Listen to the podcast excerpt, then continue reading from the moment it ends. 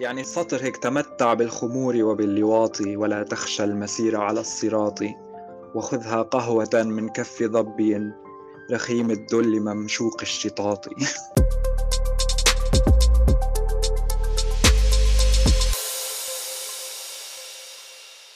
هاي ومرحبا وأهلا وسهلا فيكم بحلقة جديدة من بودكاست فتاش.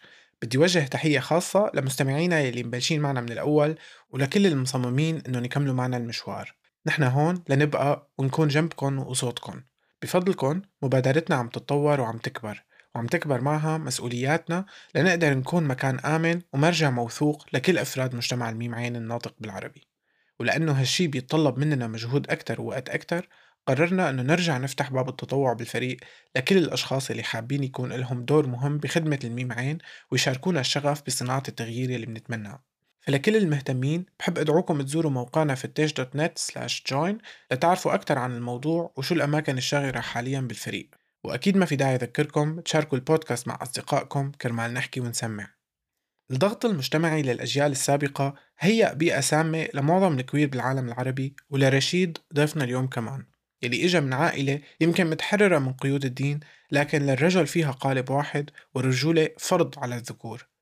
بالحي السكني اللي كان ساكن فيه رشيد بطفولته كان في شخص كويري محط سخرية للمنظومة الذكورية المقيتة يلي كبر فيها.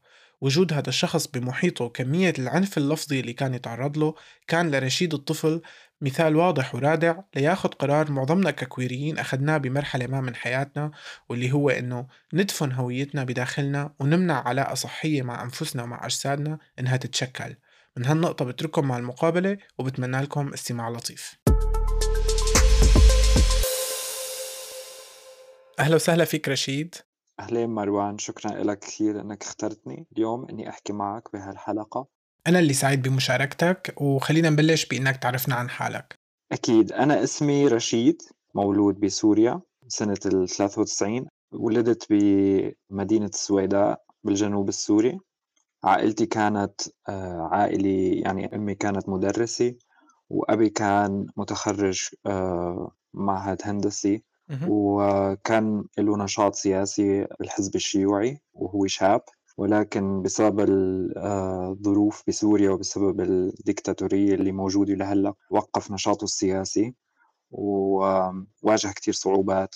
وهي الصعوبات بالحياة اليومية أو بالحياة الاجتماعية كنا نحن كمان نحسها.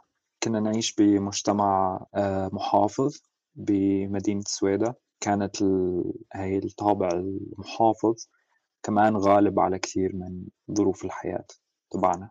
كيف كان تأثير هذا المجتمع المحافظ عليك أنت كشخص queer أو كطفل queer عم تكبر بهذا المجتمع؟ هلأ الصراحة أنا ب... لما برجع ل... بالزمن لورا وبشوف كيف أهلي كانوا يتصرفوا وخصوصا بيي ما كان عنده مشكلة بكثير أمور. يعني كان في كثير أمور المجتمع المحافظ بيكون عنده مشكلة مع أولاده فيها. مثل مثلا تدخين أو شرب الكحول بس أهلي كان عندهم مثلا بموضوع الرجولة هذا كان خط أحمر وعريض جدا. آه كان في دائما هوموفوبيا محكية يعني وواضحة كان عندنا جار على سبيل المثال كان اسمه إياد وإياد كان كثير بين قوسين أنثوي. يعني كان يتمايل بالمشي وكان صوته ناعم وواضح إنه كان كوير يعني. وكان هو مسخرة الحارة بالنسبة لأهلي يعني. عرفت كيف يعني؟ بس بدهم يتمسخروا حدا بيحكوا على إياد. يعني كان كثير الهوموفوبيا بالمحكية والواقعية كانت كثير واضحة عند أهلي. فهذا الشيء وضع في مخاوف كبيرة من إني أكون صريح مع حالي قبل ما أكون صريح مع أهلي أو غير أهلي. حط بيني وبين حالي هذا الحيط الوهمي اللي أنا كثير احتاجت وقت وكثير احتاج شجاعة لما إني كسرته وتجوزته امم أنت إمتى بينت عندك هاي الصفات بشخصيتك؟ يعني أنت عم بتحكي على فترة أنت فعليا آه، عشت يعني مع أهلك هي المرحلة اللي إنه أنت عم بتحس شيء ولكن لسه مانك متقبله فبأي مرحلة كان هذا الموضوع؟ هلأ أنا على ما أذكر ما كنت شوف هذا الشيء بشكل مباشر فيني ولكن أنا كنت بطبيعتي كطفل كبير كنت كثير حساس وكنت أبكي كثير وكنت أفصح عن مشاعري بشكل سهل نسبيًا، فهالشي كان يعني لمّا كنت بالمدرسة كان يسبب لي إنه تنمُّر، إنه. التلاميذ الثانيين الولاد يعني كانوا يتنمّروا علي إنه أنا عم بابكي، أو مثلًا أنا ما بعرف. ممكن حاط راسي بالأرض وما ماني كتير يعني واثق بنفسي، وما كنت أعرف وقّف هذا التنمُّر هذا الشي اللي كان يصير معي، أحيانًا تكون مشيتي شوي غريبة يعني بالنسبة للطلاب والتلاميذ اللي كانوا معي. وأحيانًا أحكي كلمات مثلًا بالنسبة لبيي مانا كلمات رجولية، وكان فورًا يبلش يصيح فيي وإنه يأنبني إنه كيف بتحكي هالكلمة يعني، عرفت شلون؟ تعابير معيّنة يعني بيستخدموها النساء مثلًا بالعادي، وليش عم تقول هالكلمة؟ أنت زلمة، آآ ليش عم تبكي أنت زلمة، ليش عم تعمل هيك أنت زلمة، ما الزلم ما بيعملوا هيك، عرفت كيف؟ إمم، تمامًا نفس حالتي بصراحة، يعني أنا كتير بانسى بالعادة، فلمّا بتنجاب سيرة أنا عايشها، فبارجع باتذكّرها للقصص رغم إنه بتكون هي مانا بذاكرتي الواعية خلّينا نقول، فأنا إمم، باتذكّر كتير كان يصير معي هذا الموقف إنه خلص إنه أنا حر بالنهاية طفل أو مراهق. يعني لسه مانك متعلّم شو شو بينقال وشو ما بينقال خلّينا نقول، أو شو العالم بتقبله وشو العالم بترفضه، فأنت بتكون على طبيعتك. صح، فبتصطدم بعد فترة أو بتلاقي حالك وأنت عم تكبر دايمًا العالم عم تتنمر على مظاهر شخصيتك اللي هي طبيعية، يلّي أنت يفترض أهلك هنّن أكتر عالم لمّا حدا ييجي يتنمر عليك من برّا يقولوا لك لأ أنت كويس، أنت منيح، لأ هذا الشي كان ييجي من الأهل كتير أوقات، اهم. يعني كتير مؤسف الموضوع.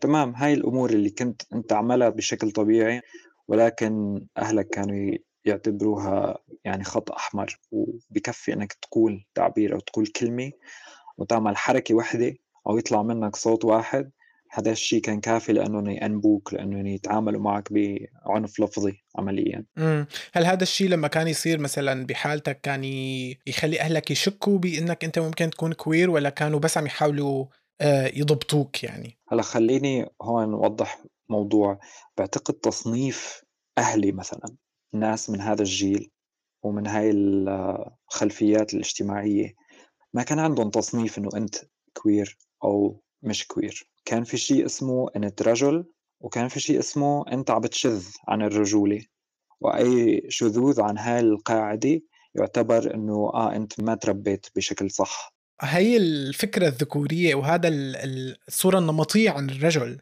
أو عن الذكر، شو مأثرة عليك هلأ؟ شو رواسب هي التربية عليك؟ هلأ أنا لحد قبل سنتين ما كنت أعرف أبكي على سبيل المثال، كنت أبكي كثير وأنا طفل، وبعدين بسبب بلوغ ال مرحلة المراهقة يعني بلش جسمي يتغير وبلش صوتي يتغير وكل شي بلش يتغير، صار الضغط من العائلة إنه ما عاد تبكي وما عاد تمشي بهالطريقة وثخّن صوتك، يعني ال الصفات الرجولة ال اللي بتنفرض عليك كشخص كويري و واللي بالنسبة لأصدقائك أو رفاقك الذكور ب أغلبيتهم بتكون بالنسبة إلهم مسلمات ما كان في داعي إنهم يتعلموها، أمّا أنت لازم تفرضها على نفسك وتحاول تدرّب حالك على مشية معيّنة أو على على إنه صوتك يكون غليظ وإنه تقمع حالك وتقمع مشاعرك وتقمع البكاء تبعك وتقمع الحزن وتقمع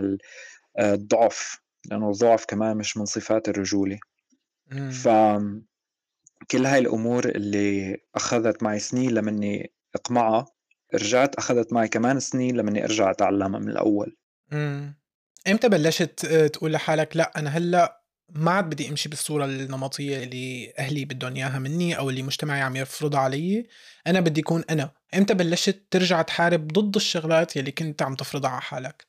هلّأ هالشي أخد معي وقت لمنّي جيت على ألمانيا، لمنّي وصلت لمرحلة استقرار بمكان معيّن وصار عندي صداقات وصار عندي علاقات اجتماعية، لمنّي بلشت أتساءل يعني أسائل حالي أو لبلش انتبه على حالي إنه عم عم أعمل شغلات وعم أتصرّف تصرُّفات أنا كمان مش راضيان عنّا. آآ أخَد معي وقت لمنّي عاد اتعرّفت على ال على الأفكار ال النسوية الكويرية، لمنّي آآ فهمت إنه الرجولة ممكن كمان تكون مفروضة على الذكور، مش 100% دائمًا من طبيعة الذكور. إمم.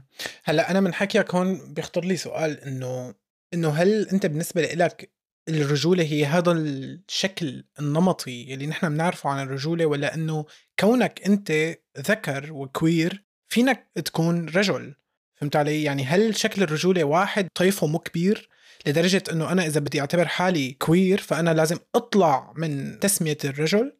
مم. لا هلأ موضوع الجندر هو موضوع كثير معقد وللأسف ما رح نقدر بهاي الحلقة إنه نبسطه ولكن في يقول إنه لا بالعكس الجندر كمان شيء مرتبط ليس فقط صفاتك البيولوجية وإنما أيضا وبنفس الوقت مرتبط بالأدوار اللي بتترتب لإلك واللي أنت بترتبها كمان لنفسك موضوع الجندر هو موضوع له علاقة بأنت شو بتعرف عن حالك وأنت كيف تفهم هالجندر تبعك. وليس شو هي الهويات الجندرية الموجودة وكيف فيني أنا انتمي لوحدة منهم. هاي الموضوع ما في انتقاء يعني. الموضوع هذا لازم يبلش من جوا الشخص ولبرا برأيي. طيب قبل شوي كنت عم تحكي عن علاقتك بجسمك وقديش هذا الشيء تغير لما أنت قدرت تغير صورة آه، الرجولة اللي أنت كنت آه، عايشها. فهون بدي أسألك على بروفايلك على الإنستا يلي بيزوره بيشوف إنه عندك علاقة خاصة مع جسمك. فحابب إنك تحكي لي عنها شوي. هلأ أنا كمراهق ما كان عندي أي ثقة بنفسي وما كنت أقدر حتى أطلع بنفسي بالمراي كان عندي ديسفوريا كثير عميقة يعني من جسمي وما كنت متقبله ابدا. مع مرور الوقت ومع ما طلعت على ألمانيا وهون في انفتاح لموضوع الجنسانية بشكل كبير.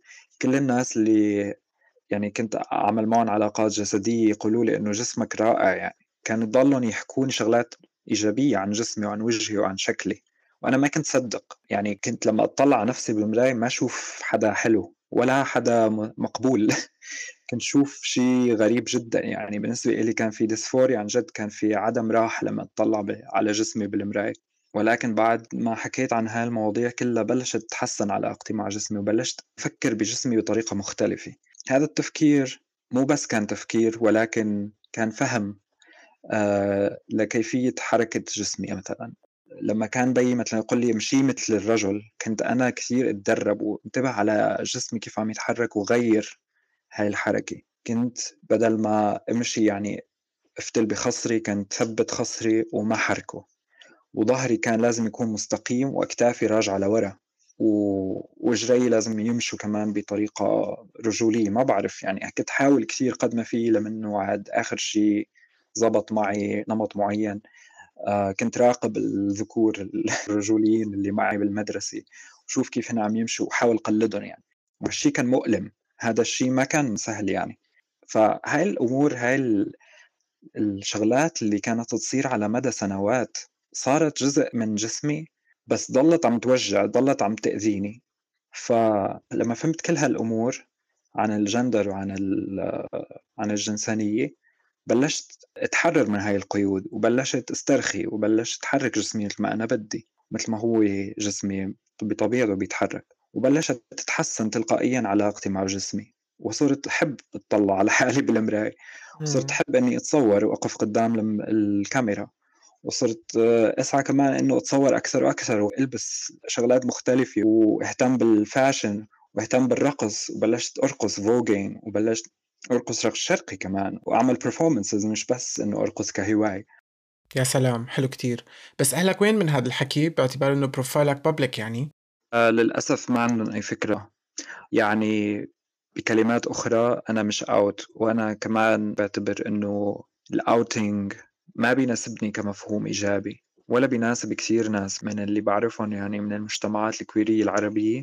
شو الشيء السلبي بالموضوع؟ شيء سلبي هو إنه كفرض إنه هذا الشيء لازم يصير لمنك إنك تتحرر من قيودك لمنه يتقبل الإنسان الكويري ذاته. وهذا الربط بين تقبل الذات وال coming out والخروج من الخزانة. بشوفه ربط غير صحيح. بنشوف نحن بكثير أعمال فنية ودرامية وعلى التلفزيون وبالفيديوهات إنه دائما الشخص الكويري بيعاني وبعدين بيطلع بيعمل coming out وأهله عاد يا اما بيتقبلوه يا أما ما بيتقبلوه وبعدين بصير في دراما وبعدين بالنهاية بصير في تقبل وبصير في آه، حياة وحرية وحب وغيره وغيراته. ولكن هاي الخروج من الخزانة مفهوم عن جد مرتبط بهاي الأمور يعني الأفلام والدراما والقصص هاي. آه، هو شيء غير ممكن لا يمكن حصوله للكثير من الناس. وأنا باعتبر إنه أهلي ما رح يصير معهم يعني بالمستقبل القريب ولا بالبعيد.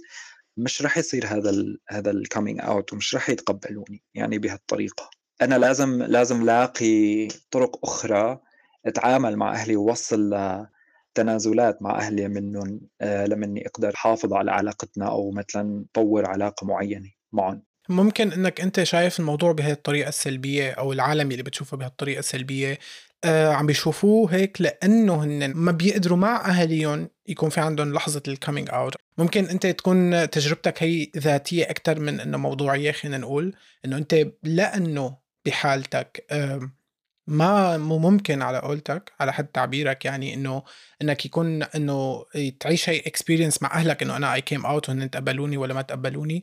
فأنت صار عندك هي القناعة إنه هذا الشيء سلبي ممكن يكون هيك. أنا اللي عم ننتقده هون هو الربط آه، الوثيق بين الحياة بحرية وال coming out أكيد ممكن يكون شعور كثير آه، حلو أكيد الواحد ممكن يتحرر كثير من ثقل أو عبء كبير لما يخرج من خزاني ويقول للعالم كله إنه هاي أنا هيك هيك تقبلوني أو ما تقبلوني. آه، بس آه، أنا اللي عم بحكي عنه هو إمكانية آه، حصول هذا الشيء بالعلاقة المباشرة مع التحرر أو الحياة بحرية. أنا اللي عم حاول أعرفه هو إنه أنت بالنسبة لك الخروج من الخزانة كتسمية عربية أو كترجمة عربية هو بيعني بالنسبة لك إنك أنت تجي تقول للعالم أنا هيك ولا هو إنه بينك وبين حالك تطلع من الخزانة؟ لأنه في فرق. يعني أنت كشخص إذا بشوفك من بعيد ما بقول إنك أنت مانك out بقول إنت out أكيد. أنا out أنا كمان يعني عم استخدم اسمي الحقيقي بالبودكاست ومثل ما أنت قلت الإنستغرام تبعي يعني public أنا بالمجتمع اللي أنا عايش فيه حاليا الكل بيعرف طبعا. يا أنا هذا قصدي إنه هذا يعتبر خروج من الخزانة حتى لو مو لأهلك. صح. يعني هو ال coming out of the closet هو مو للأهل بالتحديد. مشان هيك صح. أنا حتى بالحلقة الأولى ما بعرف إذا حكيت عنه هذا الموضوع أو طلع. إنه أنا ما بشوف إنه الخروج من الخزانة هو واجب أو فرض هو ابدا ما لازم يكون واجب أو فرض لأنه مثل ما قلت بهذا السياق هو يعتبر شيء سلبي لأنه فرض أي شيء فرض هو شيء ما حلو لازم كل إنسان يعمل الشيء اللي بيشوفه مناسب لإله. ولكن الخروج من الخزانة هو ليس فقط إنك أنت تمشي لعند أهلك تروح لعند أمك أو أبوك تقول له هي بابا أنا gay أو أنا queer أو أنا whatever آه هو إنك أنت تتقبل حالك وتعيش على أنك queer. بظن أنا هذا هو ال coming out وكل إنسان كل حدا queer جاي من خلفية محافظة يلي هو طلع من الخزانة عاش لهي الحالة لهذا الشعور لأنه هذا شعور كتير مميز. هلأ أنا اللي عم بحكي عنه هون هو الخروج من الخزانة للأهل. عندنا بمجتمعاتنا مثل عندنا عائلات كبيرة كثير أنا ما رح أروح لعند كل عمي وعم عماتي وعمومتي أقول لهم هي أنا هيك هيك. لا. فالفكرة وين؟ إنه مثل ما عم بقول أنا بالدراما وبالمسلسلات وبالأفلام بنشوف دائما هاي اللحظة لحظة الخروج من الخزانة للأهل. وأنا بعتبر إنه آه، بالنسبة لنا ككويريين وكوريات كثير بناخذ انسبيريشن من الأفلام والمسلسلات اللي بنشوفها. مزبوط وهالشي بيأثر فينا كمان ضمنيا وبنشوف إنه okay يعني ها بما إنه ال queer icons تبعنا طلعوا لأهلهم يعني من الخزانة نحن لازم نعمل هذا الشيء وبنبلش نحس بالعبء. هذا الحكي ما عم بحكيه بس عن حالي لأنه أنا كمان فتت بهاي النقاشات مع كثير ناس كويريين عرب كان حاسين بهذا العبء الكبير إنه أوه لازم نحن نطلع لأهلنا من يوم من الأيام ولازم نقول لهم نحن مين وكذا. ففتنا بهاي المواضيع واستنتجنا انه لحظة ليش ليش نحن حاسين بهالعبء؟ من وين جاي هالشيء؟ وكيف بدنا نحل المشكلة؟ يعني أنا بعرف كيف أهلي بفكروا مثلا وبعرف مثلا رفيقة من رفقاتي من السعودية واللي أهلها كثير متعصبين ومتدينين ما رح تروح لعندهم تقول لهم أنا كويرية وأنا ما رح أروح لعند أهلي أقول لهم أنا كويري لأنه أولا ما رح يفهموا شو هالكلمة وثانيا إذا شرحت لهم شو هالكلمة رح يعتبروك عم بتخرف وعم تحكي تراهات يعني ما رح ياخذوك على محمل الجد. فلازم نلاقي نحن كومبروميسز يعني لازم نلاقي نحن طرق أخرى نتعامل مع أهلنا. بدون ما نحس بعبء إنه لازم نحن نصرح لهم على كل مشاعرنا وكل هوياتنا بشكل صريح. مزبوط كلامك. أنا بحالتي كان الموضوع كان كتير بيهمني إني أقول لأهلي ما بعرف ليش. يعني شلون بدي أقول لك؟ كان بالنسبة لي الموضوع فلترة يمكن إذا صح التعبير إنه أنا بدي أقول لأهلي هذا الموضوع يلي أهلي بين قوسين بيحبوني عرفت؟ يعني هذا الموضوع يمكن له علاقة بعلاقتي بأهلي أكثر بكثير من إنه له علاقة بالسكشواليتي تبعي عرفت؟ كان له علاقة بعلاقتي بأهلي إنه أنا جعبالي اختبر هي العلاقة إنه أنا إذا دريتوا عني أنتم هي المعلومة اللي هالقد ما بتزبط مع أفكاركم وهالقد ما بتعرفوها رح تضلوا تحبوني مثل ما بتدعوا إنكم بتحبوني عرفت؟ فكان بالنسبة لي مهم ولكتير عالم مهم ولكتير عالم ما مهم كرمال هيك نحن دائما بنقول إنه إذا كان وضعك كفرد كشخص ما بيناسب إنك تقول لأهلك فهذا شيء ابدا ما ضرورة. بس الضرورة إنك أنت تعيش هي الحياة وما تضلك بالخزانة بمعنى إنك ما تمثل إنك أنت ستريت. لا هاي الصح هاي أنا بوافقك فيها تماما. يا وهذا الشيء هو كان له بعد تاني عندي يمكن هو إنه نحن إذا بدنا نضل بالخزانة قدام أهلنا فبحياته ما رح يتغير المجتمع. مم. أنا هيك كنت أشوف الموضوع. كنت أقول أنا انه واجبي كشخص كوير إنه وعي أهلي إنه في هيك شيء بالحياة لأنه هن يوما ما رح يحكوا مع رفقاتهم ومع المقربين تبعهم.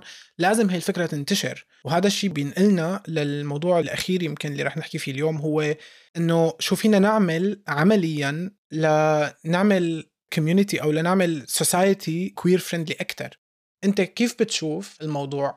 هلا أنا بشوف التغيير شيء عم بيصير already اللي عم شوفه أنا واللي عم راقبه حاليا إنه الأجيال الجديدة الشباب والشابات اللي عم يطلعوا عم يكونوا منفتحين جدا لهالمواضيع مواضيع الجندريه والجنسانيه موضوع النسوية صار موضوع على كل لسان لما نحكي عن الشباب والشابات أو الجيل الجديد يعني. تماما. هذا الشيء عم يصير already أنا هيك شايفه. لما نحكي على community و safe spaces هذا الشيء بعده شيء صعب تحقيقه. في صعوبات كثير أكيد ولكن أنا ما بدي أحكي عن هاي الصعوبات هلا حاليا. بدي أحكي عن شو ممكن نحن نعمل ككويريين عرب لمنه نحدث تغيير معين آه، يكون هذا التغيير مستدام بشكل ما. أنت الطريقة اللي عم تحكي عنها هي إنه نحكي مع أهلنا إنه نحاول نفهم أهلنا والأجيال اللي قبلينا إنه شو نحن وليش نحن مهمين لأنه نحن موجودين يعني. بس كيف ممكن نخليهم يتقبلوا هيك أمور؟ أنا بالطريقة اللي بشوفها إنه أنت هلأ حاليا عم تعمل بودكاست باللغة العربية اللي كثير ناس ممكن توصل له وتسمعه. هذا واحد من الأمور اللي كثير مهمة واللي راح تحدث تغيير أنا متأكد إنه راح تحدث تغيير حتى لو كان بسيط ولكن برأيي إنه ما راح يكون بسيط راح يكون كبير. إنك توصل أصوات كويرية لأكبر عدد ممكن من المستمعين والمستمعات. أنا برأيي كمان أنا كرشيد حاليا عم بدرس دراسات عربية. شفت بالتراث العربي بالأدب العربي. في كثير أمثلة لأدباء وأديبات كويريين وكوريات. قبل ما يكون كلمة كوير أساسا موجودة بالعالم سامع بأبو نواس. أبو النواس كان يتغنى بالعلاقات الجنسية مع الرجال وبالخمر وبالمتاع الحياة والقصص هاي كلها. وهو واحد من ال... كثير كانوا مشهورين. يعني ولهلق بينحكى عنه إنه هو كان ماجن كان يحب المجون كان يحب السكر وال... واللواط والقصص هاي. يعني لهلق شعره قدر ينجى من كل عمليات المحي بالتاريخ. هالحكي بالعصر العباسي. فتخيل قديش هذا الشيء كان يعني نحن بنفكر إنه أوه واو لا كان أكيد هذا الإنسان كان راح ينقتل يعني. بس لا الإنسان هذا كان كثير مشهور وكان كثير محبوب وكانت الناس تحبه يعني. مع إنه كان يحب السكر واللواط والقصص هاي. وكان يتغنى فيها مش بس يحبها يعني. كان يكتب أشعار فيها. عرفت كيف؟ حافظ شيء منه؟ أها. يعني سطر هيك تمتع بالخمور وباللواط ولا تخشى المسير على الصراط. وخذها قهوة من كف ظبي رخيم الدل ممشوق الشطاط. أو ماي جاد فذا طيب الحياة وأي عمر لذي لهو يطيب بلا لواط. مثلا هاي أبو النواس من العصر العباسي. أنا برأيي أنه هالشي لازم نحن نشوفه أخيرا. بمجتمعاتنا العربيه إنه نحن مجتمعات متنوعة جدا جدا جدا جدا. وال homophobia اللي عم نشوفها هلأ حاليا نحن بمجتمعاتنا العربية وليدة مو بس الاستعمار ولكن النزعة تبعنا لمقاومة الاستعمار. يعني نحن بنشوف ال queerness والتنوع هذا كمظهر من مظاهر الاستعمار ونحن ما بدنا نكون مثل الأجانب. فنحن عم نقاوم هاي الأمور وهالتنوع بهوياتنا لأنه عم نوصمها بأنها جزء من الاستعمار. فنحن لازم نبطل نفكر بهيك أمور بهالتنوع كجزء من أجزاء الاستعمار. نحن لازم نشوفه بنفسنا بالأول وبثقافتنا وبتراثنا وبتاريخنا ونتقبله ونطلع وين بالفعل الاستعمار والاستبداد عم يأثر علينا. مش بهاي الأمور مش بهالتفاصيل. كتير نقطة مهمة هي على فكرة عن جد. إذا بدنا نلوم الاستعمار على شيء هو لازم نلومه على القوانين اللي بعدها سارية لهلأ بمجتمعاتنا اللي بتميز ضد المرأة واللي بتميز ضد الناس الكويريين آه، الاستعمار حط أول قانون يعاقب الأفعال الجنسية الخارجة عن الطبيعة. الاستعمار الفرنسي والإنجليزي هن أول من حطوا هيك قوانين ببلداننا أو الدساتير ما بعد الاستعمارية اللي لهلق موجودة هالقوانين. وهالشي ما حدا بيعرفه. هالقوانين كقانون ما كان موجود بالعصر الخلافات؟ ما كان موجود. يعني كان في أعراف اجتماعية مختلفة أو قوانين مثلا دينية خاصة بعد ظهور الوهابية والسلفية. ولكن قبل ذلك لم يكن هناك قوانين منظومة هيك بشكل مكتوبة ومطبقة بقوة آه، وبعنف إلا بعد فترة الاستعمار آه، الغربي الفرنسي والإنجليزي. هم اللي حطوا أول هيك أول قانون من هالنوع. فنحن هون لازم نطلع على هاي الأمور اللي كثير آه، هيكلية. هاي الأمور لازم ننتقدها وهاي الأمور نحن لازم نقومها. مزبوط. يعني بفهم من كلامك إنه أنت عندك أمل إنه شعوبنا نشوفها. محترمة الاختلاف والتنوع خلينا نقول، الناس بكل أطيافها عندهم حقوق ومتساويين أمام القانون، في هيك شيء؟ ولا حلم؟ أنا بحلم أكيد يعني أنا بجرؤ على إني أحلم. وبسعى كمان قد ما فيني إنه ساهم بتغيير أي شيء ولو شيء بسيط جدا. أنا متفائل كتير انبسطت بالمقابلة معك رشيد. عن جد شكرا كتير إلك لكل شي حكيته لمشاركتك. عن جد كتير بفتخر فيها. بدي إياك آه، إذا حابب تحكي آخر شيء توجهه للعالم اللي عم تسمعك. تفضل. بدي أشكرك أول شيء على هالبودكاست الرائع. ولكل الكويريين والكويريات اللي عم يسمعونا هلأ لا تخافوا تحلموا. إنه تسعوا لتحققوا تغيير ولو شيء بسيط إن كان بذاتكم ولا بالمجتمع ولا بالناس اللي حواليكم. وكل خطوة بسيطة أنتم بتعملوها هي شيء كبير كثير إنتو كمان عندكم قصة أو تجربة وحابين تكونوا ضيف أو ضيفة بوحدة من حلقاتنا الجاية تواصلوا معنا وسمعوا قصتكم للعالم. وإذا عجبتكم الحلقة أعطوني فيدباك برأيكم وملاحظاتكم وشاركوا البودكاست مع رفقاتكم. أما حلقتنا الجاية فمو مطولة. لتشاركوا فيها أو لتعرفوا عن شو رح نحكي تابعونا على الإنستا. وهلأ معكم أميمة بمقطع شعري صغير بتمنى يعجبكم سلام.